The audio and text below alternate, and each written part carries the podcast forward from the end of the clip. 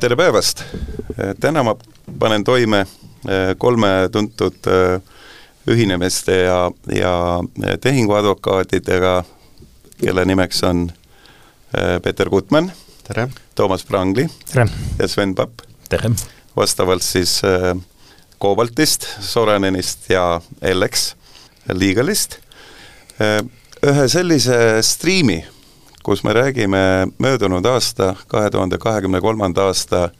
tehingute turgudest kogu Baltimaades ja oh te vaesed tehinguadvokaadid küll, no kust te saate ja mida te sööte, kui neid tehinguid on rahaliselt äh, rohkem kui kaks korda väiksema raha eest Baltikumis tehtud, kuidas siis mullune aasta läks, Sven Papp, palun? Ehm, jah, ma alustaksin sellest, et äh, Eesti majandus kõigepealt kahanes kaks koma kolm protsenti eelmine aasta ja inflatsioon teadagi oli meil kümme protsenti aasta baasil Äh, Lätis äh, samal ajal majandus tegelikult kasvas null koma viis protsenti ja Leedus kahanes, aga noh, marginaalselt null koma kaks protsenti. maailmas tõepoolest tehinguaktiivsus kukkus kolmandiku võrra võrreldes kahekümne teise aastaga ja võrreldes kahekümne esimese aastaga poole peale. ehk siis tegelikult me oleme kuskil kahe tuhande kolmeteistkümnenda aasta tasemel. ja Baltikumis suuremaid tehinguid, mida Merge Market kokku loeb, oli siis Eestis nelikümmend kolm suurt tehingut koguväärtuses äh, nelisada viiskümmend kuus miljonit ja kakskümmend kaks oli neid viiskümmend üheksa ja koguväärtus üks koma neli miljardit. Äh, nii võtame, võtame jah, palun uuesti, kui palju raha liikus äh, nendes tehingutes, kus firmad vahetasid kas omandi või, või osaomandit, kui palju liikus aastal kaks tuhat kakskümmend kaks ja kui palju liikus mullu aastal kakskümmend kolm? kakskümmend kaks oli äh, circa poolteist miljardit ja eelmine aasta circa pool miljardit Eestis. ja teie saate oma raha kas siis äh, suuremas osas äh, tehingu väärtuse pealt või suuremas osas ikkagi müüdud töötundide pealt, lugupeetud advokaadid? palun, Peeter ka-, kahjuks või õnneks me ikkagi saame ikkagi oma tehtud töö pealt äh, mitte nagu äh, protsendina või, või mingisuguse määrana tasust, et kinnitate kõik jah, härra Brandi ka, härra Papp ka? jah, meil kahjuks ei ole nii hästi ei lähe nagu finantsnõustajatel, kes teenivad protsenti. aga siin muud teha ei ole, kui peate oma Audid, Mersud ja Porsched lihtsalt nagu odavama masina vastu vahetama, et niikuinii, kui te töötate tundidega, tundide alusel, siis need autod seisavad ju päeval teie advokaadibüroode lähedal garaažis, ütleme. Mm no ega, ega siin äh, tehingute koguväärtus on nagu üks, et äh, tegelikult tehingute koguarv äh, on see, mis meile ega, ega väiksema ülevõtmistehinguga ei ole nüüd oluliselt palju vähem tööd kui suurema tehinguga, et no, et, et tööd meil tegelikult oli, võib-olla need tehingud olid nagu sellised äh, Rahulikumad ja, ja, ja, ja mõnevõrra väiksemad, aga, aga noh, tiimil, tiim oli ikkagi nagu, oli, oli aegasid, kus, kus oli vahepeal raske ressurssi leida. ja okei okay,, et nagu, nagu inglismaine ütleb, et always look at the bright side of life, et räägime siis kõigepealt asjast, millest on tõesti rõõmu olnud nii, nii tehingu osalistel kui, kui vahendajatel, nagu teie, äh, energiaturust energiaturul olid ikkagi vägevad tehingud, ma mõtlen, osteti ja saadi häid hindu, rikastusid eestlased ja jaa, energiaturul noh, võib ka lugeda ikkagi Eesti tehinguks, kõige suurem tehing üleüldse Baltikumis oli eelmine aasta, kui Infortar ostis Läti Gaso. ja nüüd on avalikustatud Infortari prospektis ka tehingu hind, sada kakskümmend miljonit ja see oli siis äh, kõige suurem tehing Baltikumis. sada kakskümmend miljonit, aga kui palju selle vara äh, ma kujutan ette, et need on siis võib-olla gaasitorud ja hoidlad ja muu taristu, kui, kui palju selle vara, mis saja kahekümne miljoni eest äh, õnnestus Eesti meestel osta, kui palju selle bilansiline või, või nii-öelda reguleet-, reguleeritud vara väärtus oli? jah, reguleeritud vara väärtus oli kakssada kaheksakümmend miljonit, see on ka välja toodud. nii et Ain Hanschmidt, Enn Pant ja Co said siis vähemalt bilansilist vara poole odavamalt osta, kas ei ole head ärimehed? ja, ja seejärel, kui see tehing tehtud, eh, nad läksid eh, börsile, millest ma ka räägime, millest me ka räägime, mis eh, häid energeetikatehinguid veel tehti? Ma tahaksin veel korra, korra oponeerida kolleeg äh, Svenile, et, äh, et, et võib-olla kui me vaatame jällegi kokku ettevõtete väärtust ja, ja investeeringuid, siis, äh, siis kõige suurem tehing oli võib-olla Tallinna linna ja Utilitase, Utili-, Utilitase soojavõrkude nagu ühinemine. Ja, ja, ja see tehti küll kapitalitehinguna, ta ei olnud üks, ta ei olnud otseselt ost, vaid ta oli nagu pigem ühinemise äh, ühi-, ühinemiselaadne. Utilitase, kui ma tohin täiendada, sooja ja nüüd ka juba külmavõrgud või? jaa, see on üks, üks osa äriplaanist, et, et äh, arendada nüüd ka ütleme, rohetehnoloogiaid rohkem ja muuhulgas ka jahutusvõrku. jahutusvõrk tähendab siis, et kuskilt seal Paljassaare kohalt, merest, siis nagu vahetatakse välja see, see äh, kuum õhk, mis tuleb siis äh, konditsioneeridest nagu ja, ja antakse suvel siis nagu külmemat õhku, et vähem oleks Kaubanduskeskusel neid imelikke klimpe välisküljel küljes, konditsioneerid siis asenduvad külma turuga. täpselt nii. Äh, ma saan aru, et, et Sorainen, siis mida sina, Toomas, esindad, tegi siis selle Utilitase ja Tallinna linnatehingu ja, ja Ellex, mida siis Sven esindab, tegi äh, Infotari tehingu, jah ja.? Mm, kas me, kas me räägime veel ka VKG elektrivõrkudest, mille omandas fond nimega Baltcap? jaa, see sai alles äh, vist eelmine nädal sai see siis lõpuks nagu close itud, ehk siis nii-öelda nagu lõpule viidud, et et see kindlasti ei olnud nagu samas mahus, aga, aga kui, kui siin eelmised tehingud, aga aga noh, oluline ikkagi, sellepärast et et VKG siis jälle ühe sellise kõrvaltegevuse, nagu ta siin varemgi on nii-öelda Äh, kapitaliseeris või, või, või tegi rahaks ja, ja, ja no milleks VKG-l, need on ikkagi äh, põhiliselt neli püsti rikast äh, peret on seal omanikud, milleks neil on tarvis üldse midagi müüa? VKG, ma meenutan kuulajale, on Virumaa keemiagrupp. Mm, -hmm. põlevkivikeemia ettevõte põhiliselt noh, nii täpselt mina isegi ei oska kommenteerida, aga noh, ju need on sellised kõrvaltegevused, mis on sellest omaaegsest erastamise kaudu tekkinud noh, kohalikust konglomeraadist nii-öelda kaasa saadud, et, et elektrivõrgud, kaugkütte nad müüsid maha, et, et need on noh, need ei ole enam vajalikud ju selle nii-öelda põlevkivi keemiatööstuse jaoks, et need on no loodame, et nad valmistuvad mingiks tulevikku suunatud energeetikahüppeks ikkagi selle rahaga no täna ei ole teada jah, et see raha nüüd kuskile mujale liiguks, et see pigem on ju jäänud nagu Eestisse ja investeeritud siia. Veel on äh, eelmisel aastal juttu olnud äh, äh, Jõelehtede ehk siis Kaido Jõelehe, endise tuntud puiduärimehe firmast Kaamus ja tema pere on asjasse, ärisse tõmmatud, Jõelehtede pere on, on üks, üks kandvamaid Eesti Pereettevõtete Liidu liikmeid, mida Kaamus ostis eelmine aasta energiaturul päikseparkidest oli juttu vist, jah? jaa, seda jah, seal ma olin, kuna ma olin ise seal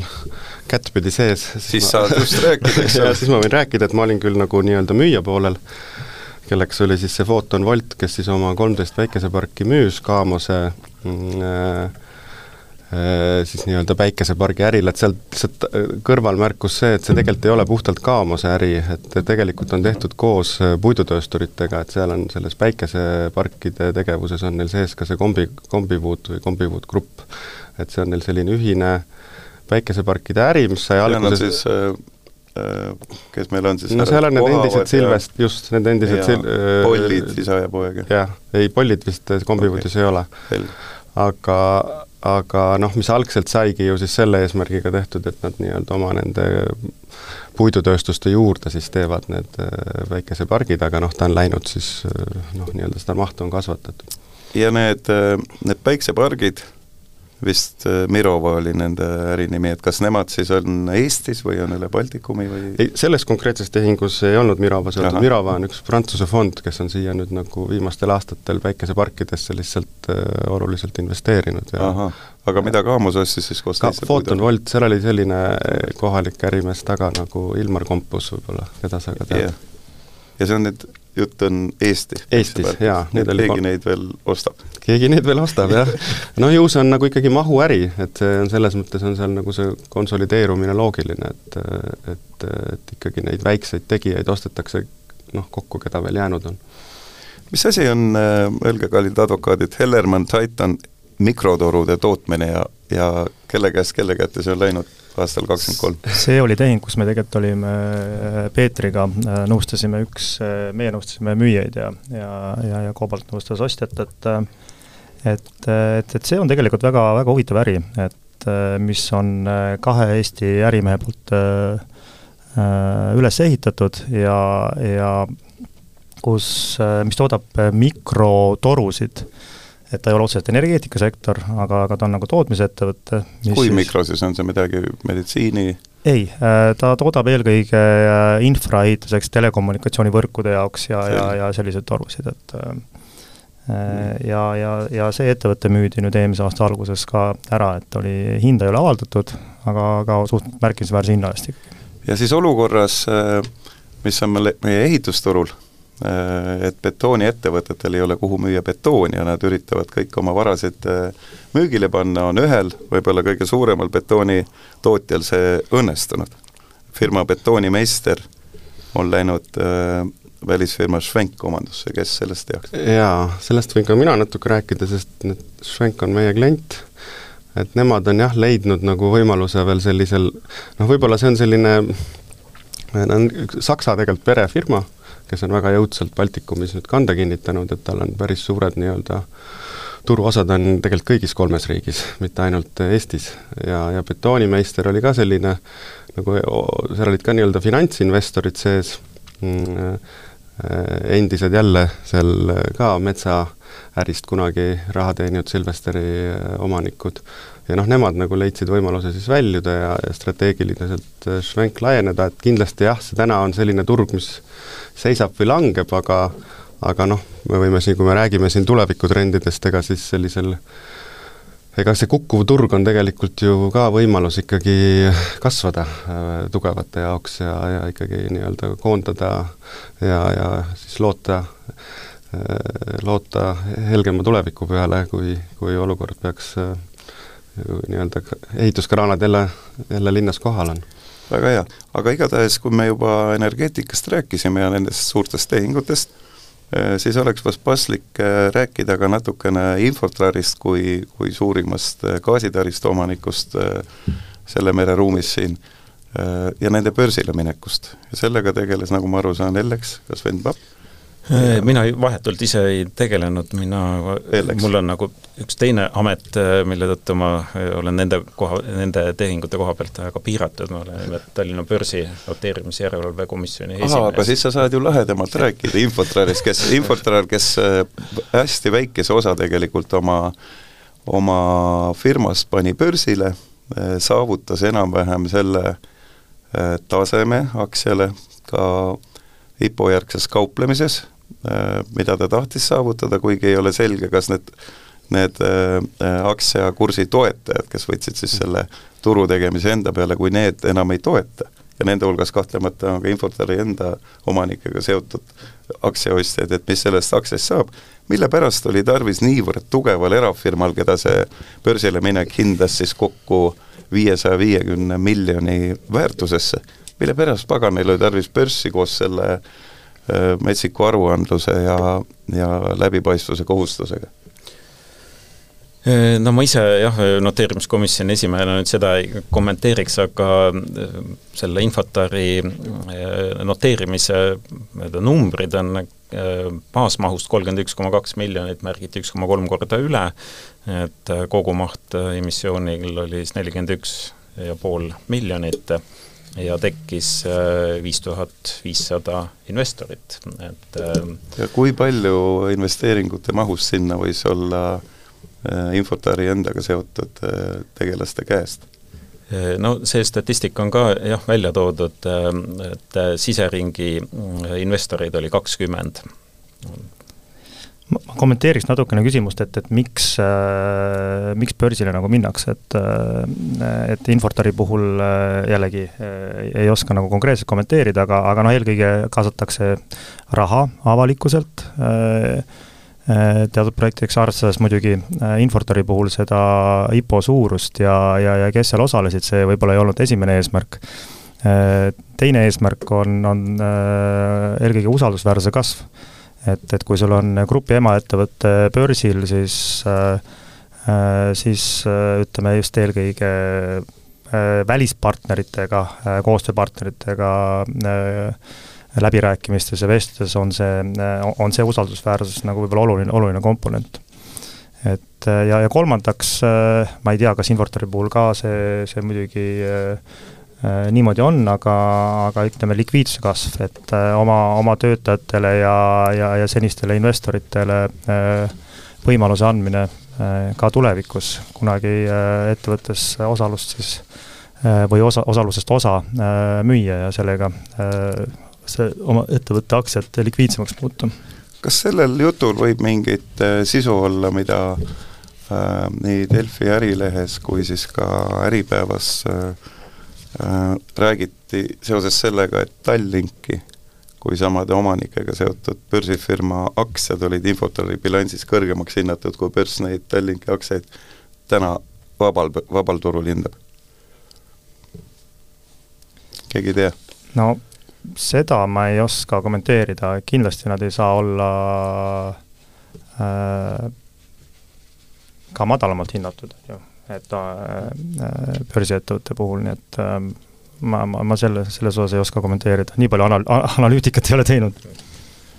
okei okay., äh, Toomas, kui sa juba räägid, võib-olla sa räägid natuke idusektori turust, siin on olnud äh, suuremaid raha kaasamisi, mul on siin kirjas äh, Skeleton Technologies, mis teeb siis neid äh, äh, äh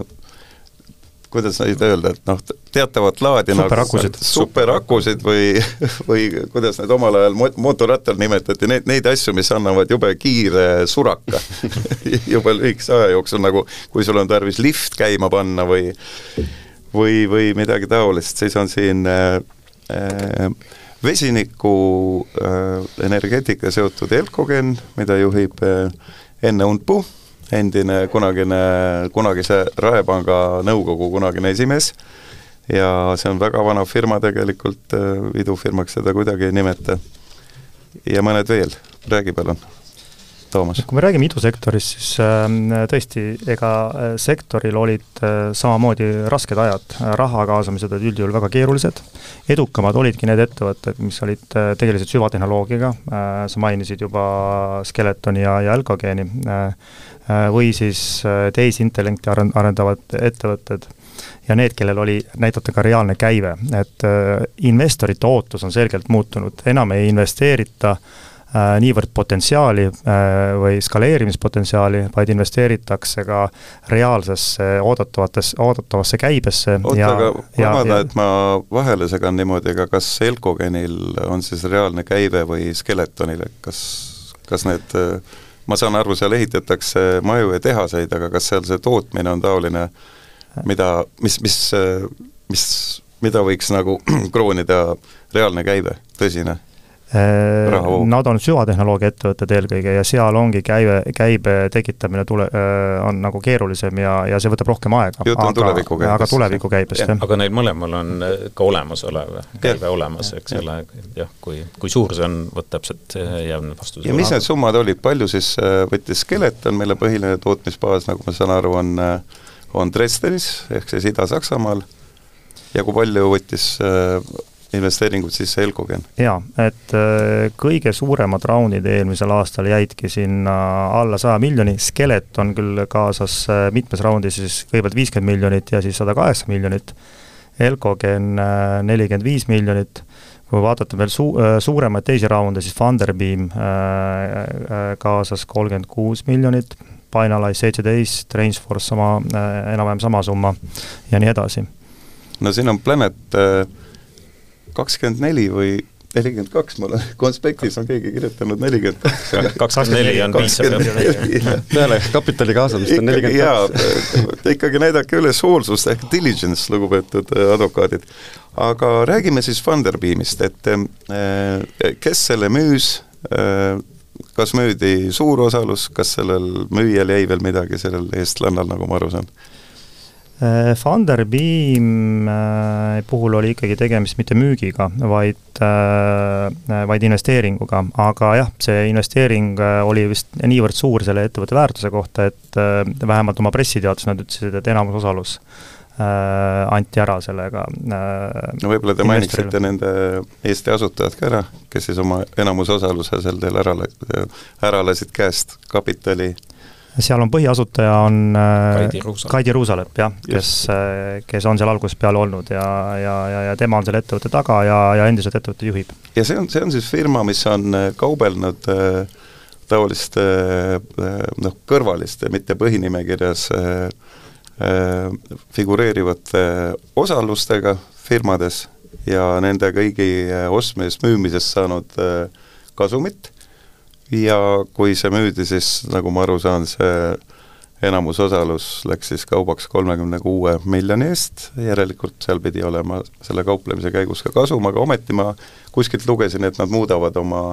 ärimudelit.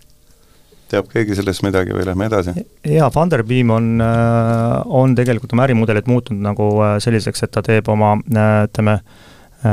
ei tee enam äh, avalikke raha kaasamisi, vaid, vaid pigem, äh, pigem siseringi raha, raha kaasamisi ja toetab, toetab eelkõige, eelkõige ka tehnoloogiaettevõtteid, kes soovivad siis, soovivad siis nii, niimoodi oma, oma investorite baasi pool ida üht, üheks investeeringuks. Vot seda Funderbeami endist siis äh, igalt poolt, kus võimalik raha kaasamist äh,, seda äh, Äh, ärimudelit hakkas ahvima ka äh, teine, teine taoline äh, vähem tähtsatel börsikülgedel ja, ja aladel noteeritud osakutega või üldse mitte noteeritud firma osalustega kaupleja Fundwise, mille asutaja Harry Laupmaa siis hiljuti sattus ülimalt näotusse kriminaaluurimisse, kuna oli leidnud võimaluse kas tasku panna, vähemalt mitte edasi anda tema enda investorite poolt Ukraina abistamiseks äh, määratud fondi, mis oli kokku kogutud. Ja, ja minu meelest ma vaatasin ükskord selle Fundwise'i, mis ei ole siis Funderbeam, vaid nende väiksem kahvatum äh, vennake, et nende need osakud, mida seal üldse müüdi, no minu hinnangu järgi oleks sealt kõigist pidanud eemal hoidma absoluutselt, äh, kui mitte ainult üks Ampler paik ei oleks tookord, kui ma vaatasin, veel mingit lootust andnud, aga aga Ambler Bike'iga nagu vist ka Hagenbikesidega on ka nagu kutu või? jaa, nendega on tõepoolest Tallinna börsil ei olegi pankrotte minu teada varasemalt üldse olnud ja Hagen Bikes on nüüd esimene siis äh, noteeritud, äh, siis äh, alternatiivturul noteeritud ettevõte, kes, kelle pankrot kuulutati välja jah, eelmise aasta lõpus ja noh, kakskümmend üks, kui oli meil selline IPO-de, IPO buum, siis ta tuli börsile ja ja tegelikult päris märkimisväärse investorite arvuga, et IPO-l osales kuus tuhat viissada investorit, märgiti üle ligi viisteist korda, tõsi, emissiooni maht oli kõigest äh, pool miljonit, et äh, vahi, vahi, investorid teeb arve. Ja mida siis, kui palju lubati toota, nad vist teevad äh, või tegid kastirattaid, jah? jaa, kastirattaid, noh, siin jah, ütleme selles, siis selles materjalis, börsi materjalis olid sellised prognoosid nagu äh, et Taanis müüakse kuussada viiskümmend ratast ja, ja kohe-kohe kaks tuhat ja Saksamaal äh, kuus tuhat viissada ratast ja, ja turu kasvades kümme tuhat ja nii edasi, nii edasi, nii et need prognoosid olid olid väga uljad. Ja investorid, jah, see viisteist korda ülemärkimine, see tähendas seda, et investorid pakkusid tegelikult firmale seitse ja pool miljonit eurot. Aga noh, läks mõni aeg mööda ja kaks tuhat kakskümmend kolm siis selgus, et et äh, tegelikult kakskümmend kaks suudeti müüa sada kolmteist kastiratast ja, ja jah, ja nii kaks tuhat kakskümmend üks siis börsile tulemise aastal seitsekümmend ratast, nii et noh kas investoreid oli rohkem kui neid rattaid, mida toodeti või oleks igaühele jätkunud siiski? no vot ei oleks, sest oh. jah, need, need, kes raha üks investor oleks teist pidanud, pidanud kassis vedama. jaa, need, kes raha ju pakkusid, oli kuus tuhat viissada inimest tahtsid jah, pakkuda või pakkusidki raha. ei toodetud igale investoritele kastirataski, aga Ampler, ta ei ole vist meil tehingute nimekirjas, kuna seal ei ole vist enam millega tehinguid teha jah, see see oli ka taoline noh, ütleme, et õilis ja, ja südipüüe Eestis teha üks jalgratas, millesugust maailmas nagu veel ei ole või vähemalt parem kui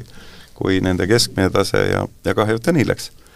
ja järgmiseks saab meie Ärilehe podcastis, mida juhib ajakirjanik ja kirjastaja Hans Luik, sõna Peeter Gutmann,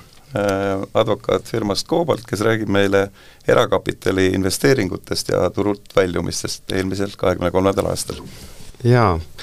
et no erakapital praegu sellisel keerulisel ajal on, on nagu väga oluline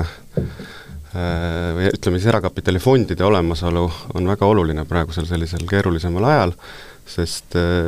jätkuvalt nendes fondides nad on paljud nagu raha tõstnud,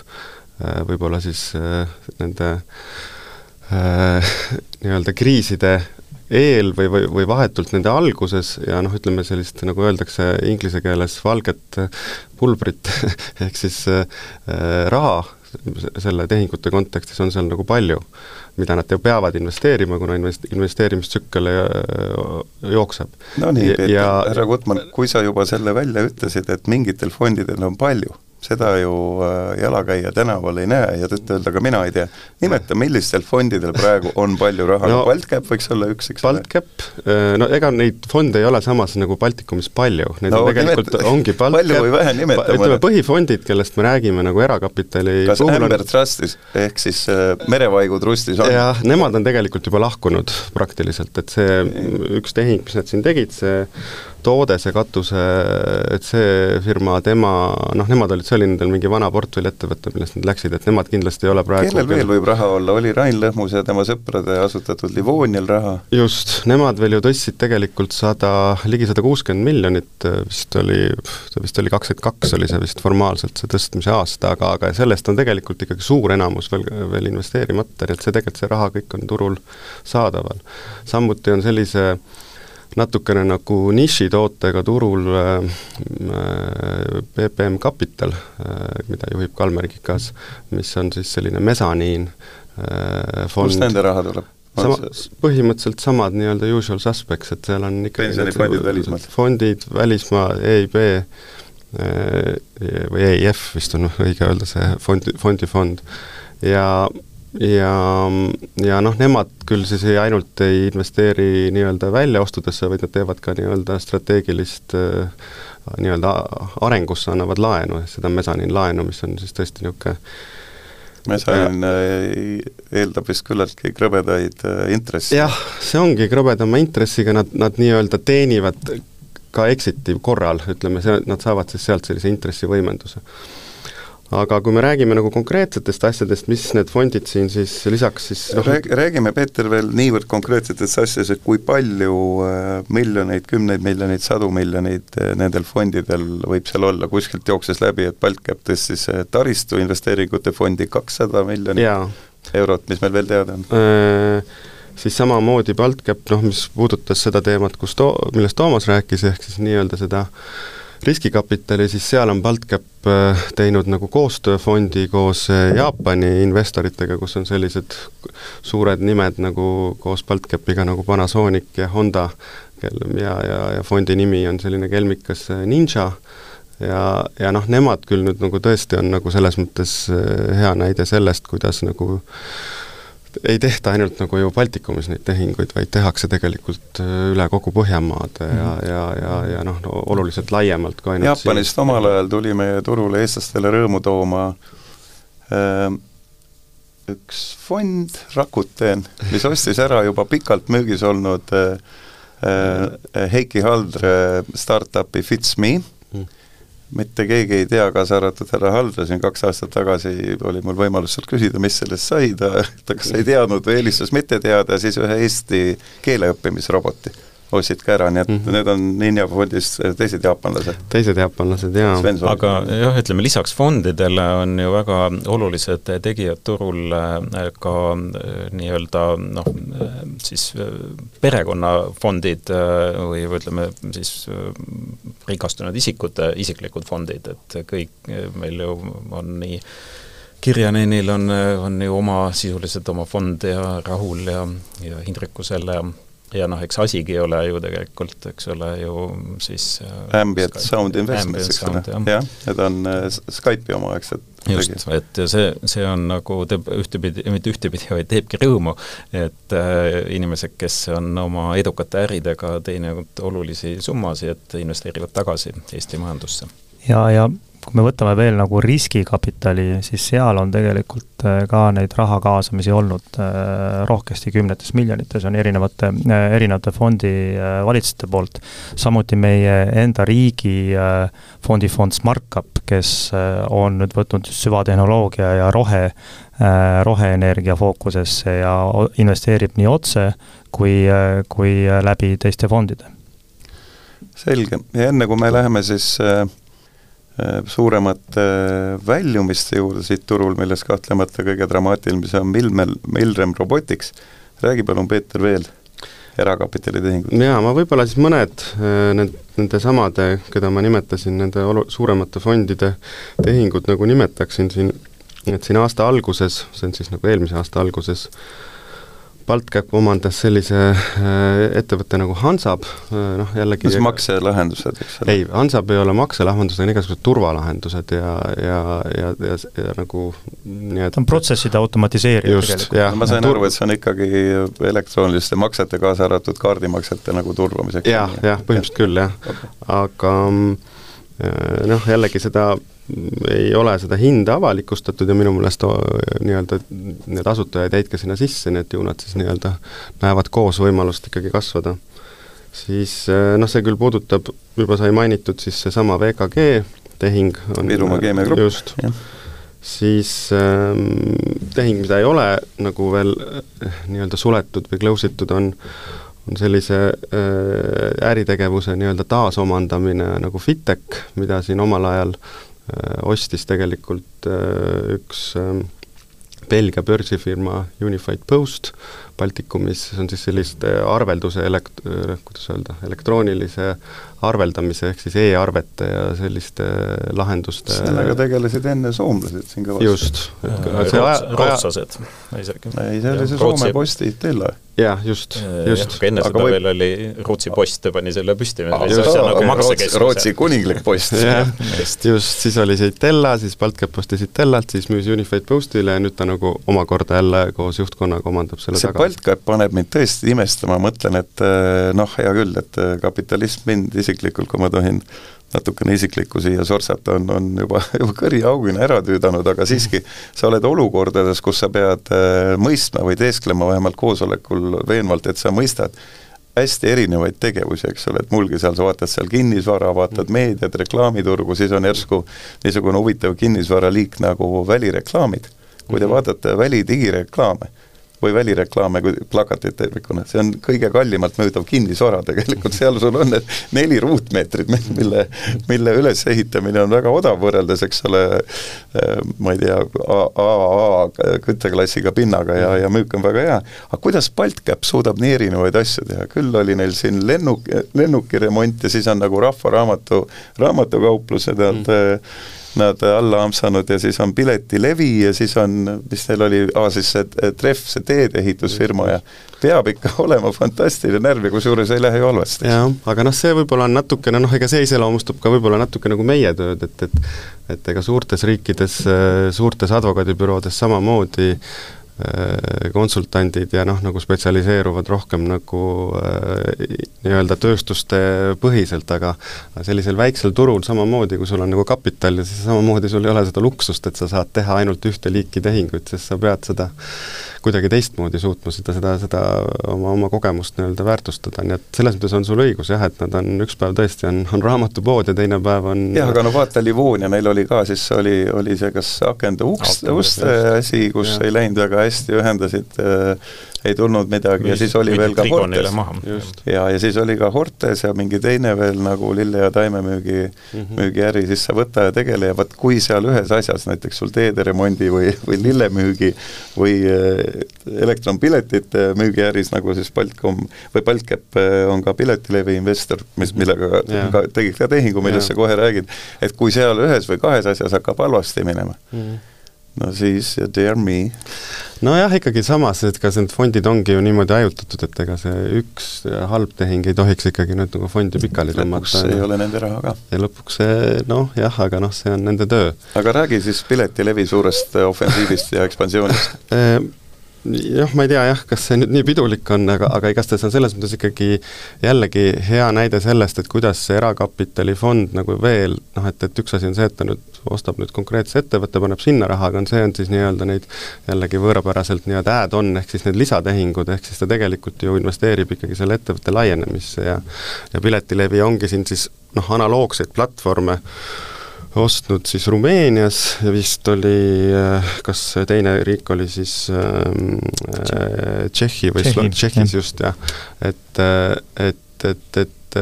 et järelikult siis noh, üks on see, et noh, on jälle konsolideerumine, noh teine on see, et minna ilmselt siis nagu seda riski hajutamist, et minna nagu suurematele turgudele. piletilevisüsteemi no, juhib Sven Nuutmann, endine Postimehe Grupi juhataja ja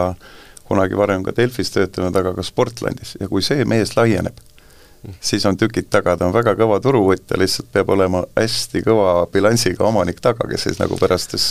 maksab võib-olla kinni ühe kui teise seal nojah, aga ostu. fondil, fondil vähemalt edukate tehingute jaoks raha kindlasti jätkub, nii et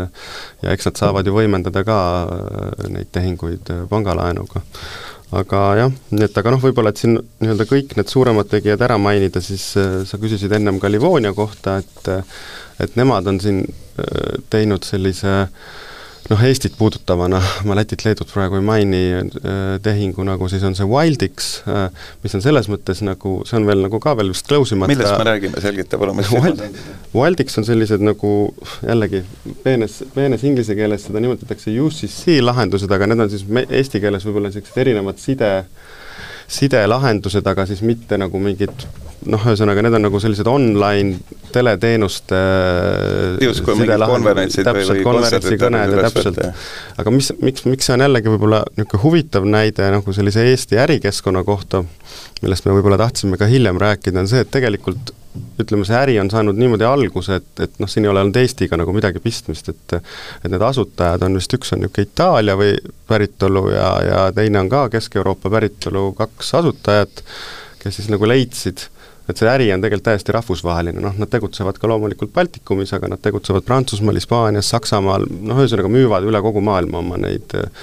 neid, neid lahendusi ja seadmeid ja, ja, ja nad on lihtsalt jällegi ärikeskkonna mõttes leidnud, et, et seda on hea teha Eestist. et, et neil on ligi kolmsada inimest, noh, loomulikult IT-tiim, kogu arendustiim, nii et noh, ta selles mõttes nagu Baltikumi äri on noh, väga tinglikult tegelikult ütleme, käibe mõttes on suhteliselt marginaalne osa. jaa, ma tegelikult, nüüd äh, Peeter juhataski sisse tegelikult olulise teema, et äh, rääkisime enne siin Eesti äh, erakapitalifondidest, aga tehinguid Eestis teevad ju mitte ainult Eesti erakapitalifondid, vaid ka suured rahvusvahelised. tõsi, liiga tihti me neid ei näe, aga aeg-ajalt ikkagi näeme, on ta siis, eks ole, Luminori puhul Blackstone ja kaks märkimisväärset tehingut vähemalt, mida, mida siinkohal ma märgiks ära, eelmine aasta äh, oli selline äh, firma nagu, või erakapitalifond nagu Intersect omandas äh, firma Modirum. see uudis jäi ilmselt väga paljudele siis märkamata, aga tegemist on soomlase Jari Heikkineni poolt üheksakümne seitsmendal aastal Eestis asutatud autentimisteenuste pakkumise firmaga, kes on siis täna, tänaseks laienenud kaheksateistkümnesse riiki ja see Intersect, kes selle omandas, see on suur, enamus omanikuks on selline suur, ma arvan, vist globaalselt kõige suurem erakapitalifond nagu KKR või KKR. erakapital kust? USA, USA., nagu jah, Gravis Goldberg Roberts, selline võib isegi öelda, et sealt kogu see erakapitali temaatika algas ja jah, nemad ostsid päris märkimisväärse summa eest siis selle modiruumi, see on siis suht Eesti baasiga ja teine, mis ei ole küll nüüd Eesti baasiga otseselt, aga millel on Eestis kõige, selles grupi kõige suurem tootmisüksus, on Foxway, kes Tartus võtab lahti vanu mobiiltelefone ja, ja muud elektroonikavidinaid. ja selle ostis siis kes? selle ostis selline suur Rootsi erakapitalifond nagu Nordic Capital kes noh, Rootsis on ka tinglikult Nordic Capital on, on metsikult suur äh, Põhjamaade pensionifond, nad on tõesti suured ja, ja kui nendega keegi, keegi teist äh, tehinguid teeb, siis ta peab arvestama, et äh, need tehingud tuleb teha Rootsi seaduse järgi. ja kas Rootsi seaduses on mingeid eripärasid ka siis nagu omandamisel, kohustustel, noh, eks kinnituste andmisel? eks juriidika on jah, paraku kui näiteks IT ja, ja sellised moodsamad asjad on väga rahvusvahelised, raamatupidamine, eks ole, siis kahjuks see juriidika on ikkagi maapõhine ja noh, ütleme, eks need tehingud ostu-müügilepingud on suuresti inglise noh, niisuguse varjundiga ja, ja, ja ega nad, kui nüüd peale vaadata, väga palju võib-olla ei erine, aga nagu alati, et kurjam on detailis, et the devil is in detail. niimoodi, kas on aeg rääkida exititest, Milremist, Klausist? Ütleme, tehnoloogiasektori exit'id, siis äh, kõige suurem oli eelmisel aastal äh, Milrem Robotics, mis müüdi siis äh, Saudi Araabia päritolu äh, Edge Grupile mis ja raha seal siis liikus? seitsekümmend miljonit oli, oli, oli see hind, mida äh, mida nad nagu, nagu avalikult ütlesid. selle puhul oli huvitav see, et, et äh, Mille, Milremi juhatus ütles, et nad lihtsalt ei leidnud nagu läänemaailmast, Euroopast ja mujalt investoreid meie toredatele sõjarobotitele kas see ei ole kummaline? tegemist on kaitsetööstus äh, tehnoloogiaettevõttega ja, ja, ja seda me oleme kuulnud ka teistelt meie sama, sama valdkonna klientidelt, et äh, tegelikult äh, sellele tööstusele, tööstusele spetsialiseerunud investoreid, neid on väga raske leida, eriti Euroopast. et USA-s on küll, seal tegelikult invest-, pigem investeeritakse enda, enda riiki kui, kui Euroopasse aga jah, neid investoreid ongi selles valdkonnas väga, väga keeruline leida, neid hakkab loodetavasti nüüd rohkem tulema, kui iga noh, globaalselt ütleme, lääne, lääne ühiskonnas on see nagu aga härra Toomas Prangli, et kui, kui keegi teist on kuulnud, mina ei ole, Saudi Araabia relvatööstusest midagi et miks, miks siis just nemad, aga hea küll, kui valikuid ei olnud ja oli tarvis müüa. no nemad olid ilmselt finantsinvestorid, eks ole, aga no Eestis on kindlasti nüüd meil, meie selle geopoliitilise olukorra tõttu ja, ja ütleme, majanduses ka, et sellised firmad,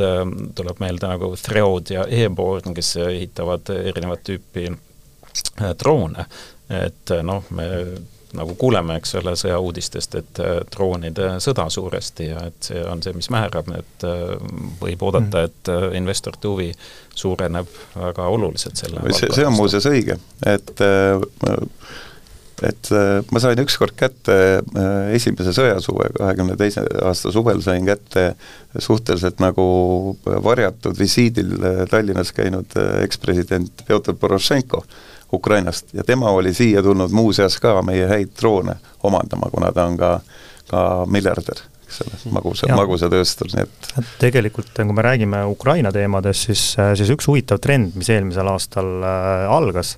äh,, on see, et äh, just äh, Ukraina, ütleme niimoodi, rinde innovatsioonitiimid, äh, kes seal siis nagu ka päris rindel saavad ka testida oma, oma tooteid Äh, äh, need tiimid äh,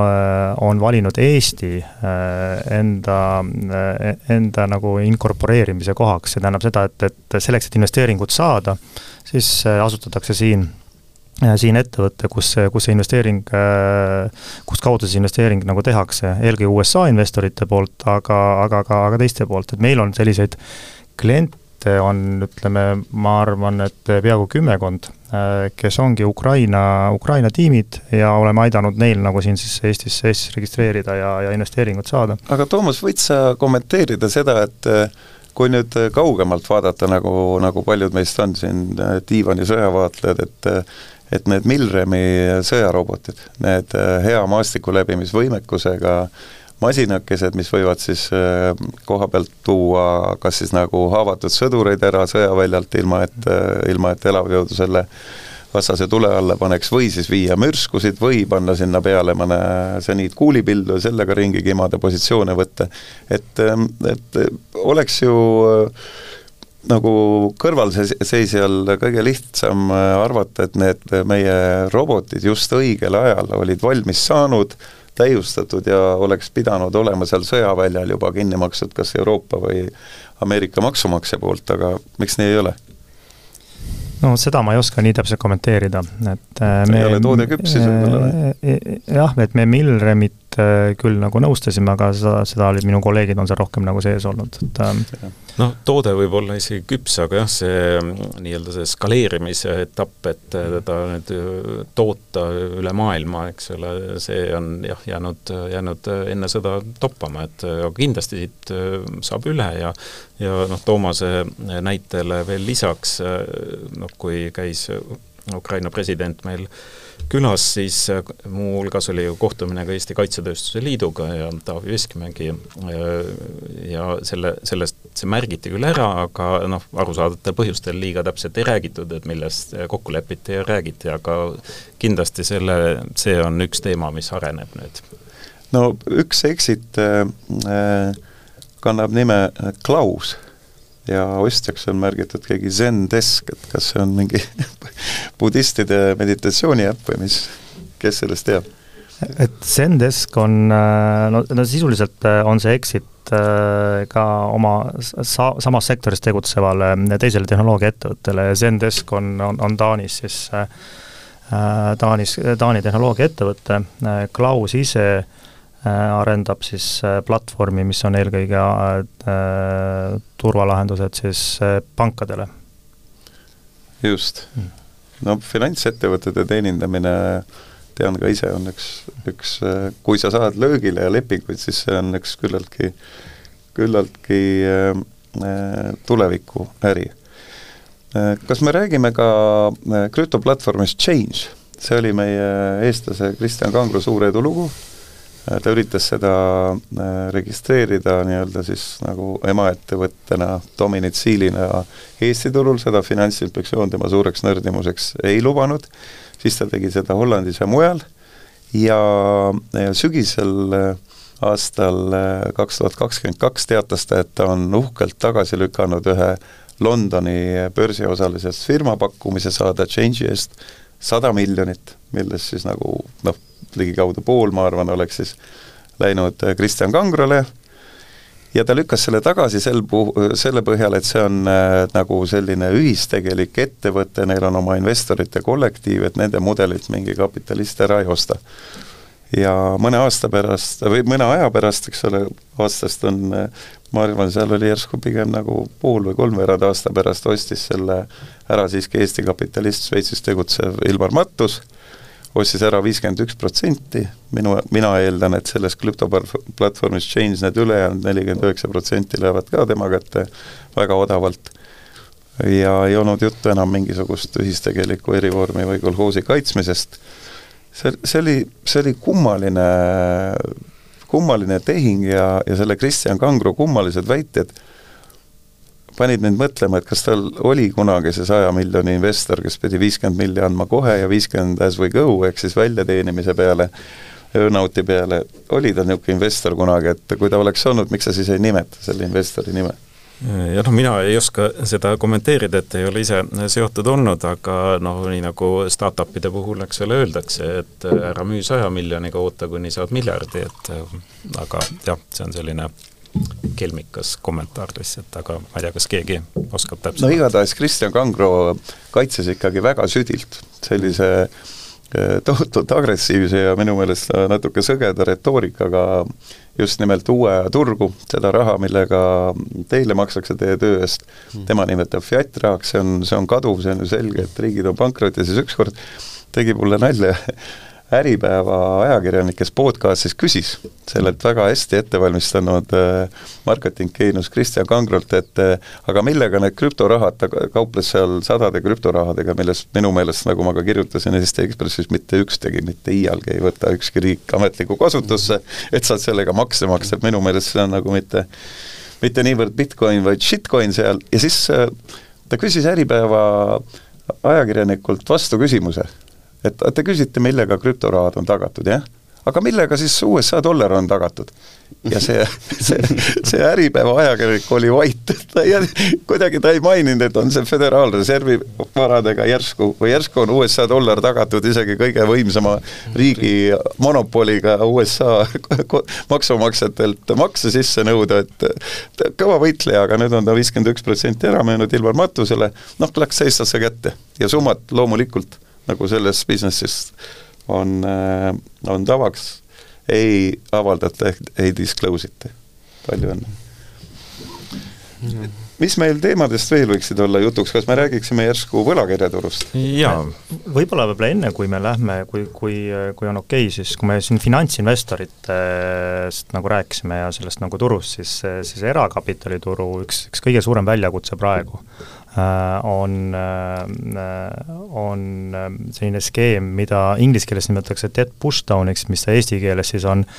võla ülekandmine siis äh, sihtäriühingule, mida nagu ostetakse. vot see on hea teema, kuna mina saan aru, et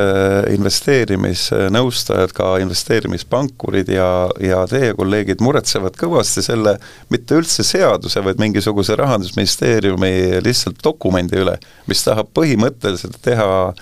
tegelikult firmade ostu maksu võrra kallimaks kõigile. Jah, ma võib-olla ütleks, et tegelikult see teema ei ole uus, teema on kümme-viisteist aastat kindlasti vana, aga kuna selle seal puudub täpsem regulatsioon ja, ja nüüd see jah, mida sa viitasid, juhend, Toomas räägib seal täpsemalt sellest, et kuhu selle juhendiga siis on tänaseks päevaks jõutud, et ta oli sellises varjusurmas teema, et ja, ja öeldigi, et niikaua, kuni juhendit ei ole, nii kaua Maksuamet väga aktiivselt selliseid tehingustruktuure ei jahi. ma, ma siis veel võib-olla kuulaja jaoks seletaksin täpsemini, milles see äh, põhimõtteline muutus, mida siis ametnikud, mitte seadusandja, äh, arvavad, et nad saavad turule võib-olla peale suruda, see seisneb selles, et kui keegi ostab firma ja ongi mulle, on ka mulle selline tehingute äh, loogika tuttav, siis selle firma ostuks ta võtab, kui tal vähegi aru on peas, laenu, sest et konservatiivne inimene hoiab oma kapitali kõige lähemal oma keha ümber oma vöökotikeses, ja siis selle laenu tihtipeale maksab seesama firma, sellepärast et ostetakse just selle mõttega, et see on kasumlik firma, tulevikus veel rohkem kasumlikum kui sel hetkel, hakkab seda laenu maksma. ja nüüd siis Eesti Vabariigi Maksuamet, kes ei ole suutnud rakendada näiteks Google'i või Facebooki reklaamivoo suhtes Eestis, mis on turul võib-olla isegi suurem kui meie erameedia oma, Eesti Vabariigi käibemaksuseaduse punkti üks, et Eesti Vabariigis müüdud, müüdud tehingult või teenuselt tuleb käibemaks maksta, tema siis äh, tahab võtta see on siis umbes nagu dividendimaks kakskümmend protsenti või? ma enne, ma enne veel täpsustaks võib-olla Hans seda skeemi, jah, see on tavapärane skeem, et sa ei saa ju ostetava peale võtta laenu ostetava ostmiseks, et sa, see ikkagi, kes omandab, see võtab laenu, aga pangad nõuavad, et, et see laenu teenindamine oleks siis tulu tekkimise, eks ole, kus kasum tekib, millest laenu teenindatakse, ehk siis see ostetav.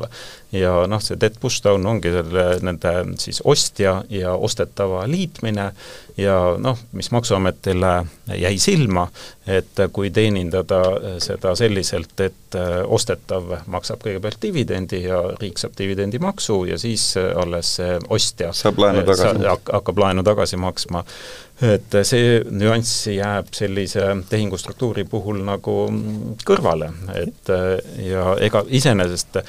keegi ei saa sellist ühinemist keelata, aga küsimus ongi selles, et kuidas seda maksustada. Keegi ei keela, lihtsalt tahetakse kakskümmend protsenti vahet saada. ja kakskümmend kaks protsenti on ju juba uue, uue määra alusel, et, et aga Äh, aga jah, see, see tegelikult ei ole väga, see ei ole üldse Eestis spetsiifiline struktuur, seda nagu valdavalt üle maailma kõik erakapitalifondid ja finantsinvestorid ja üldse investorid kasutavad ja, ja, ja Sven ütles väga, väga õigesti, et tegelikult pangad, see on pankade huvi, et, et see ühinemine siis äh, toimub, et see võla, võla kandmine nagu sinna äh,, sinna sihtäriühingusse ja, ja seal on äh,, seal on ka mitte ainult teenindamine, vaid ka tagatiste andmine on see, mis pankadel oluline on. ja kui me võtame nagu selle võimaluse ära, tähendab, mitte ei võta ära, vaid teeme seda kakskümmend kaks protsenti kallimaks, äh, siis see tähendab seda, et äh, erakapitali raha äh, ma vähemalt sellisel määral kindlasti Eestisse ei tule, struktureeritakse tehinguid võib-olla kuskil väljaspool, väljaspool Eestit, see tähendab seda, et, jällegi Eesti ettevõtted hakkavad oma peakontoreid looma väljaspool Eestit ja ka kohalikud fondid pigem investeerivad sinna, kus neil odavam on, kaasa arvatud Läti ja Leetu. või, või siis hakatakse Aga... tehinguid tegema nii-öelda kõrgemal tasemel, et äh, noh, Eesti äriühinguid müüakse mitte Eestis, vaid müüakse kuskil äh, Hollandis või kuskil mingi PV-de tasemel ja aga probleem on siin nagu selles, et äh, kuidas seda tehakse, et äh, tavaliselt sellised nagu, äh, sellise mõjuga kogu sektorit mõjutavad otsused ja, ja maksupoliitikat tehakse ju valitsuse tasandil, kus me poliitikud on öelnud, et, et ja praegune valitsus ka soovib nagu pigem soodustada siis investeerimiskeskkonda. Ja, ja siis ametnikud, maksuametnikud ja, ja Rahandusministeeriumi ametnikud on otsustanud, et, et, et nemad kogu seda poliitikat tegelikult muudavad. ja selleks dokumendi liigiks on siis juhend, jah? see on Maksuameti juhend, äh, mis, äh, millega on nüüd valmis saadud ja, ja, ja mis siis nagu nüüd siis äh, ringleb ja, ja, ja on, ongi siis nagu huvitav, suurt pahameelt tekitanud. huvitav, kus need, äh, kus need kõvad ametnikud olid siis, isegi siis, kui rahvuslik konservatiiv, nagu ta iseennast nimetab, Martin Helme oli rahandusminister. Et miks ei antud juhendit näiteks, et e-kaubanduselt nõuda sisse pakendimaksud, elektroonika romumaksud ja käibemaksud, eks ole, mille maksmata jätmine jättis Riigikassa ilma äh,, ilma, kuulake nüüd ka Eesti Vabariigi õpetajad kõik ja politseiametnikud ja meedikud, saja kahekümnest miljonist aastas, viieteistkümne aasta jooksul, nagu arvutas välja firma Sorainen koos E-kaubandusliiduga. olid need äh, õiged numbrid? sada kakskümmend milli iga aasta on Eesti riik jätnud sisse võtmata, ei ole andnud sellist juhendit, et Eesti Vabariigi seadus siin ka kehtib. Ja, ja, ja, ja, ja pluss veel meie siis elektroonika rõiva, rõivakaupmehed kõiki makse makstes loomulikult ei suuda konkureerida Aliekspressiga. aga räägime nüüd äh, võlakirjaturust, et see on ka koht, kuhu investeeritakse, kus teenitakse äh, enneolematuid äh, enneolematult viimase viieteistkümne aasta jooksul kõrgeid intresse, isegi korralike bilanssidega pankade võlakirjadega, rääkige palun jaa, tõepoolest, nende kõrgenenud intresside mm, tuules tekkis täiesti, või elavnes ka võlakirjade turg, et varasemalt, kui noh, intressid olid nullis, eks ole, siis võlakirjade intressid ka vastavalt olid suhteliselt minimaalsed ja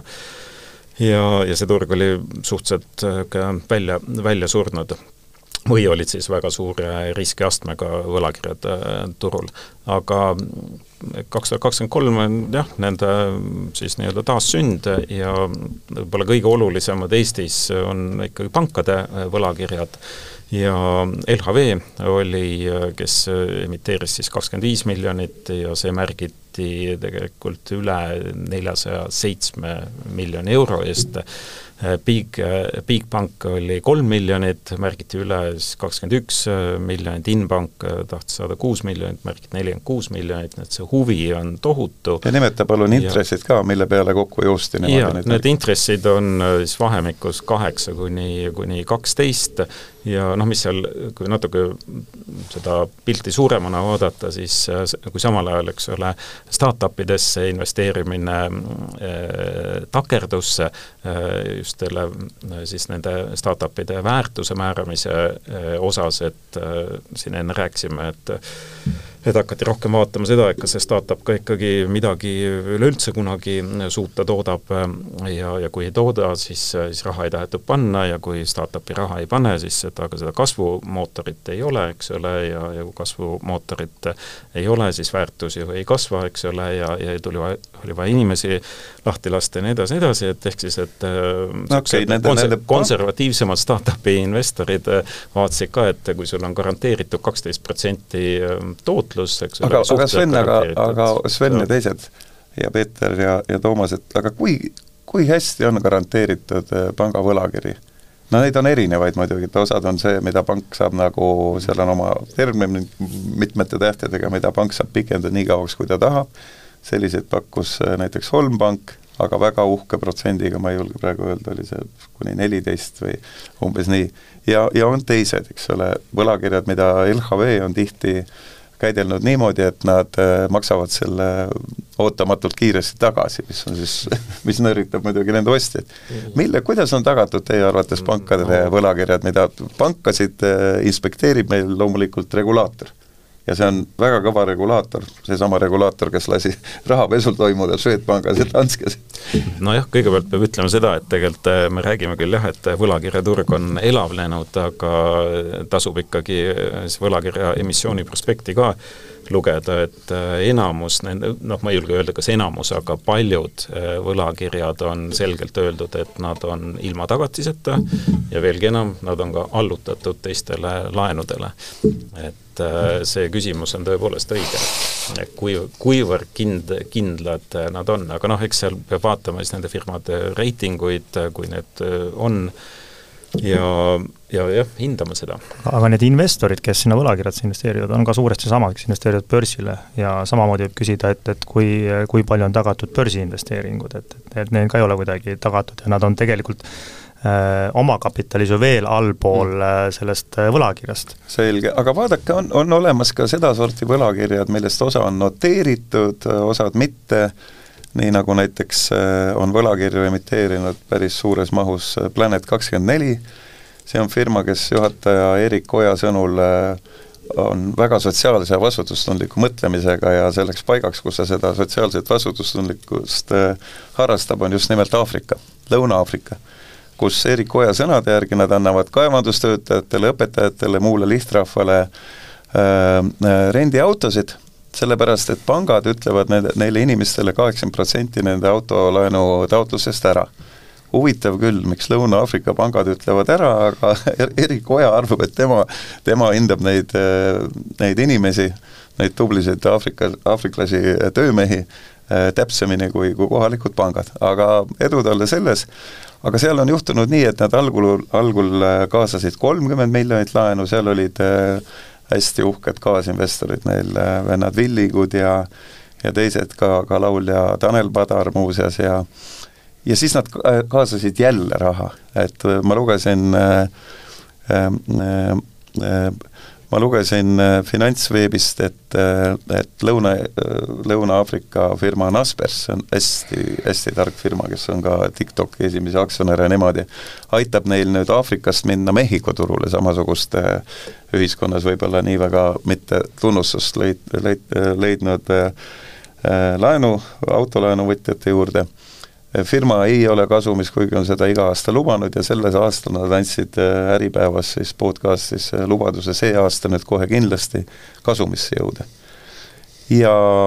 Bloombergi äh, teate järgi nad võtsid peale saja kolmekümne miljonit sisse veel sada miljonit, ma ei tea, kas, kas see summa on, äh, märgiti täis või mitte, ei oska öelda, igatahes need eelmises kolmekümnes miljonis võlakirja emissioonis osalejad kurtsid LHV Foorumis, et kuulge, et see tähendab, et neile on antud mingeid lubadusi, kes nüüd raha panevad. et meie likvideerimiseks, kui läheb, siis meie osalus on väiksem ja me ei tea isegi, mis need lubadused on ja kõik ja puha aga loodame, et neil on, ma ei tea, tuhat autot väljas iga päev uuesti anta, mingi kümned tuhanded on neil äh, autode baasid seal, et loodame, et läheb hästi, senini ei ole läinud. Ja ja vot mis neid, mis selliste võlakirjade staatus on? Või näiteks täpselt samasuguses mahus äh, ka siis nagu väidetavalt kaheksakümmend miljonit, võib-olla isegi rohkem on võtnud Eesti äh, fintechi ehk siis nagu võlaportfellide ostu- ja sissenõudmisfirma Pluss Pluss Capital, mis tegutseb äh, Soome, Läti, Leedu ja ka Eesti turul, tegutseb mittekasumlikult ja, ja ka need võlakirjad on, osad on ka Frankfurdis noteeritud, mis on selliste võlakirjade staatus, kui, kui enne sa, lugupeetud äh, Sven, ütlesid, et äh, et need mõned panga võlakirjadki võivad olla tagamata, ehk siis kõige lõpus väljamakse järjekorras aga nendel võlakirjadel, mis on näiteks äh, äh, pluss pluss kapitalil, ma panin tähele, on äh, tagatisagent olemas. ja kui pluss plussi audiitoriks oli aastaid PricewaterhouseCoopers, siis tagatisagendis oli seesama PricewaterhouseCoopers Legal. mida see agent siis taba, tagab või ei taga ja noh, viimasest küsimusest pihta hakates, vot see tagatisagent, seal on üks tagatis ja agent, et ma pigem juristina rõhutaks seda agenti, ehk siis korraldaja, mitte need, eks ole, meie idanaabri mõjuagendi ja, ja, ja selle eh, terminoloogiasse. et tagatisagent loomulikult ta ei taga ise mitte midagi, ta, ta tagab selle, et viiakse ellu siis võlakirja tingimustes ette nähtud noh, protseduure ehk siis muuhulgas ka seda, et äh, kui äh, siis audiitorid annavad häiresignaali, et äh, tegelikult on, on risk, et seda ei suudeta intri- või võlakirja teenindada, siis peab hakkama tagatisagent tegutsema. ehk siis realiseerima, kutsuma kokku kõigepealt investorid aga, koosoleku aga ja siin ongi, lugupeetud advokaadid, siin ongi see point et kui seda bilanssi minu meelest ebaõiglaselt hindas noh, korralikuks, et varad on olemas, mõne märkusega üldiselt on varad olemas.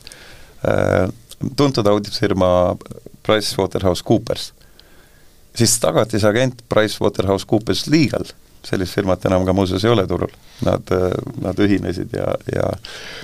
ja üks, üks tuntud advokaat, keda mina, mina teadsin sealt, suisa lahkus, Karl Paadam et üldse advokaaditöölt lahkus, et eh, kuidas see tagatisagent saaks informeerida õiglaselt kliente, kui tema näiteks saaks aru, et seal bilansis ei ole ammu enam neid varasid, mida väidetakse, aga tema enda nagu asutajafirma Price Waterhouse väidab, et need varad on seal. ja miks ma seda küsin, on see, et eh, aasta hiljem, ehk siis nagu möödunud aastal avaldatud auditi, eh, tuli auditeerima firmat Pluss Pluss Capital äh, KPMG, kes ütles, et neid varasid ei ole sel määral ja täna on see firma saneerimisel. et, et kuidas sai, on ju mingisugune võib-olla isegi rollikonflikt, kuidas sama katuse all audiitor ütleb, et asjad on hästi ja siis see tagatisagent ei saa võlakirja omanikke informeerida, kuidas asjad tegelikult on? no see risk on kindlasti olemas ja tegelikult enne finantskriisi, eks ole, mis oli viisteist ja pluss aastat tagasi, oli ju täiesti tavapärane, et pangad äh, korraldasid äh, võlakirja äh, emissiooni, pangad olid ise tagatisagendiks ja pangad müüsid sellega oma pensionifondidele maha. ja väga hästi see asi ei lõppenud päris mitmele Eesti, Eesti pangale. mõni pank hüvitas investoritele midagi, mõni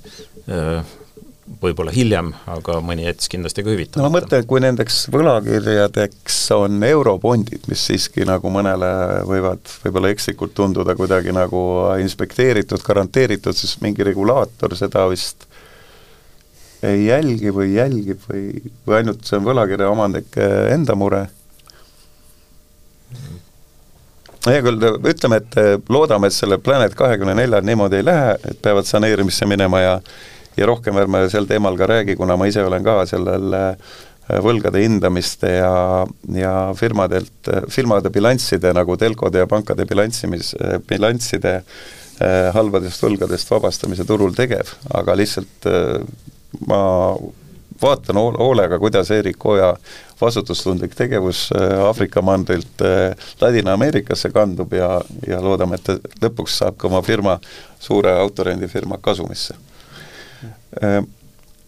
milleks me nagu äh, oleme siia kokku tulnud, on muuseas ka see, et teha ennustusi, et kui see eelmine aasta oli nii teile teenistuse mõttes kui, kui kapitali sissevoolud Baltikumi õige, õige kidur, nagu Leet Seppelini kuuekümne üheksandal aastal välja tulnud plaadi esimene lugu ütles, good times, bad times, nüüd on väga mõrud ajad, milliseks siis te näete, et võiks järgmine aasta äh, Äh, kujuneda või järsku on idusektoris midagi, mida me oleme jätnud mainimata, midagi, mis suurt lootust annab meile? no kui me vaatame üldiselt äh, trende, siis, äh, siis üheks trendiks, mis puhtalt jällegi tehinguprotsessis on, on, on nüüd uus, uus asi juures, on see välisinvesteeringu usaldusväärsuse hindamine äh,, inglise keeles FDI kontroll, et äh, mida siis meil tarbija äh,, Tehnilise Järelevalve ja Tarbijakaitseamet on hakanud teostama ja see on üks you, protsess. What the hell do you mean see on üks protsess, kus, kus teatud äh, Äh, teatud sektorites või, või teatud tüüpi äride omandamisel, mis on nüüd äh, stra-, Eestis strateegiliselt nagu niivõrd tähtsad, äh, mis on siis nagu seaduses välja toodud, kaitsetööstus, ütleme, mingi teatud meditsiiniteenuste osutajad ja, ja, ja nii edasi ja, ja ütleme, Eesti varude hoidjad, et nende, nende äride omandamiseks on vaja mit-, Äh, lisaks veel kõikidele muudele lubadele on vaja ka tarb-, Tehnilise Järelevalve Ameti ja, ja Tarbijakaitseameti äh, luba. et see, kes siia tuleb oma rahaga lehvitama, see peab veel mingi loa võtma selleks? täpselt. no põhimõtteliselt, kui sellele Oho. Milremi tehingule viidata, siis täna oleks selleks tehinguks olnud vaja juba riigi nõusolekut jah, vot seal oligi jutt, et miks kindral äh, Riho Terras lahkus Milremi nõukogust enne, kui see tehing araablastega alla kirjutati et ähm, aga kui me üldiselt nagu trendidest räägime nii et me, me oleme hakanud äh, reguleerima ka neid inimesi, kelle raha siia üldse tohib tulla, nii vähe, kui neid ka ei ole. aga, aga no ütleme niimoodi, et, et see jällegi on, on äh, lääne ühiskonnas on, on väga suureks trendiks olnud juba aastaid, et neid kontrolle tehakse ja Eesti on võtnud pigem sellise kitsama vaate ja, ja, ja neid, neid sektoreid, kus, kus on täiendavat luba vaja, et neid ei ole nii palju kui, kui enamikes teistes riikides. jah, ja Eesti rakendab seda alates esimesest septembrist, noh, veel hiljem eelmise aasta jooksul pidid kõik Euroopa Liidu, Liidu riigid selle, seda rakendama, Rootsi rakendab seda esimesest detsembrist, nii et jah, me oleme üsna, üsna viimased selle jaa, aga Rootsis on ta, ütleme, palju selline laialivalguvam ja, ja, ja paljudes riikides on kõik tehingud, mida tehakse, ütleme, ülevõtmistehingud või üle viie protsendi omandamise tehingud, need igaks juhuks teavitatakse lihtsalt, et see on lihtsalt täiendav protsess. Õnneks aga Eestis Rootsi, ma jah. seda trendi nagu ei näe, et sul kõiki tehinguid hakkad teavitama. üks, üks tähtsamaid asju, mis, mis on minu meelest äh, Äh, jalus praegu äh, võimalustele Euroopa suur sõda kiiremini lõpetada, ongi Rootsi kuningriigi soov reguleerida välisinvestoreid, ehk siis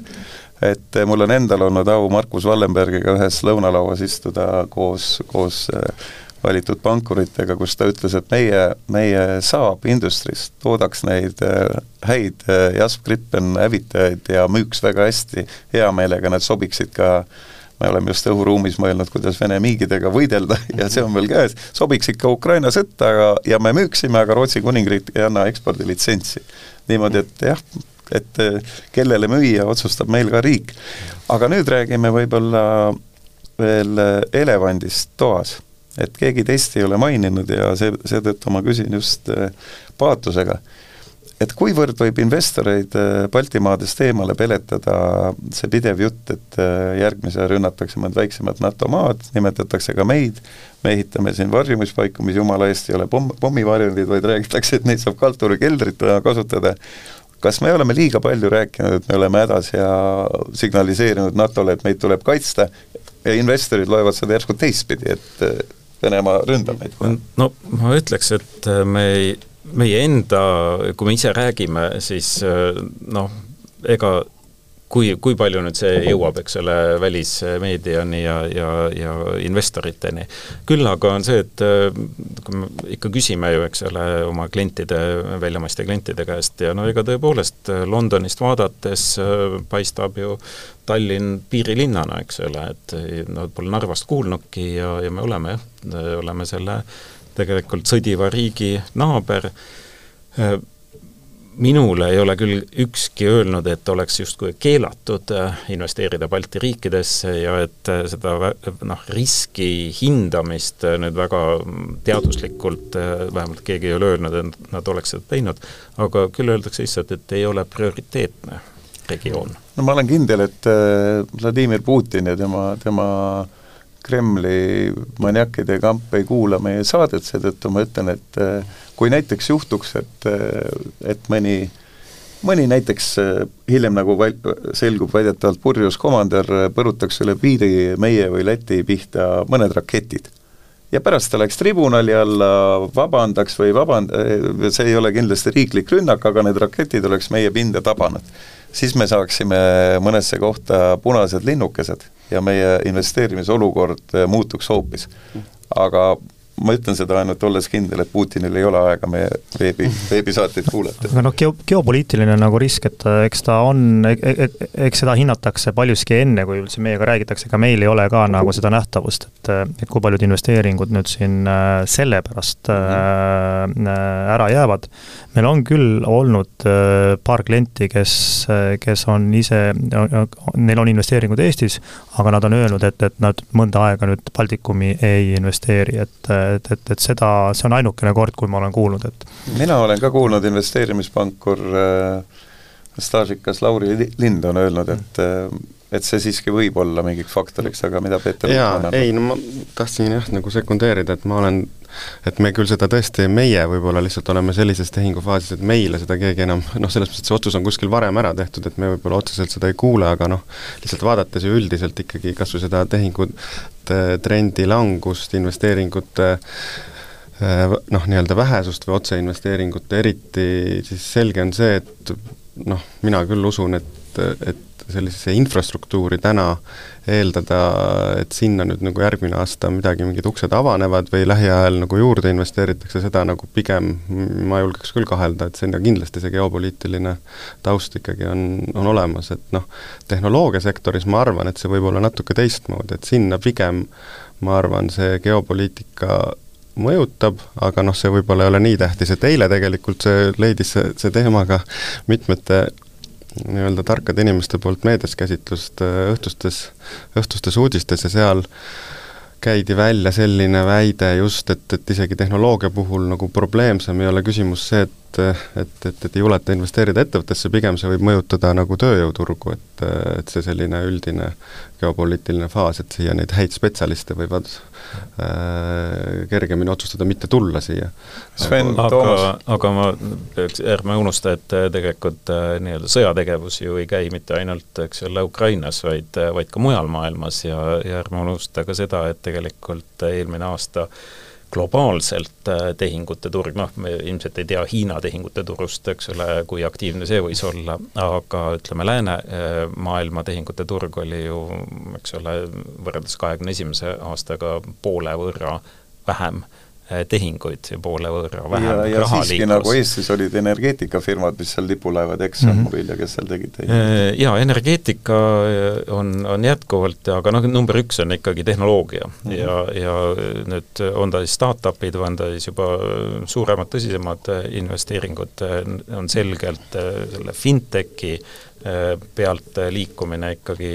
siis deep tech'i ja, ja, ja green tech'i peale, ehk siis tehnoloogia valdkond on see, mis, kuhu investeeringuid tuleb juurde ja just rohe. kas see ütleb midagi järgmise aasta investeerimishorisondi kohta, Toomas, või? ma tahtsin korra kommenteerida seda, seda geopoliitilise riski nagu selle avalikult nagu rääkimise teemat, et ma, ma, mina olen nende leeris, kes ütlevad, et tegelikult see on väga hea, et me sellest räägime. ja, ja seda teadlikkust tõstame, et ega, ega näiteks ka võtame Iisraeli, et kes kogu aeg elab sõjaohus, see ei tähenda seda, et, et sinna lõpuks ei investeerita, seal peab olema lihtsalt vastavalt nagu meetmed kasutusel, et et need suudavad iseennast kaitsta või oma partneritega ennast kaitsta. ja, ja et, et see oleks ka meie partneritel oleks nagu laual, et, et on vaja Balti riike kaitsta ja, ja, ja, ja kui investorid näevad, et et see võrgustik ja, ja need meetmed on kasutusele võetud ja, ja see teadlikkus on piisavalt kõrge, siis siis ma arvan, et ega see geopoliitiline risk on madal aga kui me räägime nüüd nagu tehnoloogiasektori üldiselt nagu võib-olla oodatavast trendidest, siis Äh, kui idusektoris oota, oli oota, üks moment, ma teeksin enne seda, kui me teeme sellise õnnistatud optimistliku lõpu sellele saatele, kus me räägime mm., mida te olete juba praegu oma klientidele kravamas, ma tean, et mõned on isegi nimetanud mingisuguseid äh, täpsemaid alasid, kus järgmise aasta raha võiks siiski sisse tuisata. räägime enne äh, näotustest, mida on börs näinud, ütleme, kui, kui Baltika börsilt ära läks, siis, siis ma mõtlesin nii, et tegelikult see äh, see, see Soome fond, KJK, kes Baltika aktsionär on tükk aega olnud, neid aktsiaid, kes ka lõpuks kokku ostis, mida ta on teinud, kui üritada positiivset poolt esile tuua, et ta on toonud äh, meie õmblejatele ja moedisaineritele äh, Soome pensionäride raha ja see on siia jäänud, need enam sealt tagasi ei saa, kuna see tõesti aktsia elas lõpuks väga kurba elu. samamoodi on börsilt tulnud äh, ära Clevon, jättes väga pika ninaga oma investorid, mil-, milliseid äh, selliseid nagu kurbasid äh, tõesti nagu täiesti kotti saamisi on, on investoritele börs pakkunud või väljapool börsi, mis on juhtunud, näiteks Aurora ja selle põhi põhimootor Marko Lastik äh, tilitasid oma investoreid minu meelest neljakümne miljoniga, mis võeti aasta varem sisse ja aasta hiljem seda enam ei olnud ja firma ka on nagu väga kehvas, väga kehvas olukorras. aga Marko Lastik äh, kavala mehena on esile lükanud allkirja andjatena äh, teised inimesed, nagu endine finantsdirektor pandi siis juhatuse esimeheks, kirjutas alla need tehingud ja, ja praegu ütleb Marko Lastik, et mina nüüd vaatan eemalt koos investoritega nördinult, et mis te, mis te kurat olete siin teinud? No eks neid äh, tõrvatilkasid on, on erinevaid, aga, aga neil kõigil on ka omad lood, ma ma arvan, et ma, ma, kui me räägime jällegi idusektorist või tehnoloogiasektorist, ma, ma rõhutaks, et tegemist on väga riskantse valdkonnaga, kus allapoole õnnestuvad ja see on täitsa normaalne et, et, et ei õnnestu, paljud ei õnnestu. kümme protsenti ikka õnnestub, üheksakümmend ebaõnnestub. nojah, et ja oleneb ka loomulikult, mis staadiumis juba ettevõtted on, et, et Aurora oli siin juba noh, arvestatava käibega ettevõte, et jaa, aga seal juhtus niimoodi, et Marko Lastik liitis Auroraga, mis oli korralik tegelikult äh, sama e-commerce ja üldse nagu äh, tollimaksude tegelikult äh, viisipärase maksmise robot. Ja ja Jaanus Vihand viis ta nagu päris tuntuks maailmas ja ta liitis sellega enda firma, mis oli lubanud teha enneolematu planeetidevahelise logistikasüsteemi ladude, lennukite ja rongidega, midagi taolist seal ei olnud. Ja muidugi liitmise tulemusel juhtus see, mis praegu, praegu juhtus aga ütleme, et jaa, et kui, kui ka suur osa investeeringutest, nagu ka minul, teie intervjueerijal on äh, nässu läinud, siis kui väike osa lendab mm., siis üks osa sellest sinu väiksest portfellist võib olla firmas Bolt. kas Bolt läheb börsile, et äh, ma saan aru, et nad on selle eesmärgi võtnud ka Ekspress Grupilt meie finantsjuhi ära isegi, Signe Kukini, aga kas, kas on see juhtumas? No äh, Bolti puhul on tegemist küll kõige tõena-, tõenäolisema tehnoloogiasektori IPO kandidaadiga ja, ja nad on ise seda ka korduvalt välja öelnud, et, et, et paari aasta pärast nad soovivad börsil olla. aga ma arvan, et see ei juhtu veel sellel aastal. mis sel aastal juhtub siis, kas kellelgi on midagi piibuliinis, pipeline'is, nagu ma olen äh, mitu aastat teilt juba küsinud aasta alguses? Noh, kindlasti jah, ütleme eelmise aasta asju on, kus ei ole veel siis nii-öelda noh, võib-olla allkirjad on all, aga ei ole kõiki koondumise lubasi või, või ka pole allkirju all, et need on, on töös, et kindlasti jah, päris päris seisma maailm ei jää ja, ja tahtsingi öelda, et noh, eks neid numbreid on erinevaid välja öeldud, aga maailmas on circa neli triljonit dollarit äh, ootamas erakapitalifondides investeerimist. Ja kui nüüd äh, rääkisime enne siin, et kaks tuhat kakskümmend kolm investeeriti poole vähem võrreldes kahekümne esimese aastaga, siis noh, ütleme see kindlasti annab põhjust optimismiks, et, et see kapital ei, ei saa ju jääda istuma, eks ole, jõude. kas see tuleb nüüd kaks tuhat kakskümmend neli ja, ja kui intensiivselt, aga ma arvan, et kui tuleks vähegi positiivseid uudiseid äh, maailmast, siis mis laadi uudiseid sina arvad, et järgmine aasta toob rohkem või keegi teist, te ju töötate mõne asjaga ka praegu, ega te nüüd jõud, jõudu ei istu? noh, ma kõigepealt arvan, et, et see aasta äh, ei tule oluliselt erinev eelmisest aastast, vähemalt esimese poolaasta äh, lõikes. Äh, äh, ma olen nõus Sveniga, et, et mõned positiivsed uudised võivad kogu seda olukorda muuta. Äh, meil on, äh, on küll mitu sellist äh, müüja poole pealt, mitu päris suurt tehingut on, on ettevalmistamised, nad Mis on, nad on energia, üks on energiasektoris, teine on finantssektoris. et ja, ja nad on nagu noh, et kui, kui need peaksid õnnestuma, siis nad on ikkagi päris, päris suured protsessid. nii, ja Peeter Gutmann, ega koobalti suu ei ole ka seina praegu, mida teie vahendate? Ei noh, ega samamoodi ühtegi nime me siin ilmselt ei tohi välja öelda, aga, aga, aga, aga sektori mõttes küll jah, samamoodi finantssektor ja tehnoloogia, aga ma, kui mul nüüd, ma peaksin nagu panuseid tegema, siis ma nagu järgmise aasta suhtes, et siis ma noh, nagu Toomas ütles, et ilmselt see jah, nagu ei ole väga erinev ja ma tegelikult ikkagi arvan, et järgmine aasta on ka kindlasti selline, mis ühtepidi on see nagu võimalus, teistpidi noh, on see, on see olukord nii, nagu on, et ta on ikkagi kohaliku kapitali äh, ja, ja nende kohalike ka erakapitalifondide aasta ilmselt, et et ma arvan, et, et, et, et kuna turg on segane ja ega siin midagi nagu majanduses ka paremaks ei lähe, siis siis pigem on see ikkagi kui kohalikud investorid, nagu siin Sven mainis, tegelikult on ju ka meil neid nii-öelda neid pere, perefondi ja, ja, ja tegelikult suhteliselt äh, korralike rahakottidega äh, kohalikke äh, investorid, kui nemad nagu ikkagi näevad võimalust Vaat siia investeerida. lootuskiir muuseas, sest et me, me keegi ei ole enam poisiks, et me Just. mäletame eelmise kriisi aegu, kus ka tundus, et Eesti majandus on, tammub paigal, et, et, et vähemalt öelda ja siis juhtus ju, et pöörane Prantsusmaa hiid mm. Talkia kõndis ära meie pealinna kütteturult, siis paljud hotellid läksid eestlaste kätte mm., Eften ja teised, ja siis no näiteks Norra meediagigant Schibsted müüs ära Postimehe Eesti investorile, et sellel hetkel on Eesti investoritel nagu šanss. täpselt. jaa, Skanska läks ära Eesti turult, eks ole, jälle, jah, neid oli, neid oli päris äh, Skandinaavia palju. kõige vingem äh, hotellifirma, kõige suurema mahuga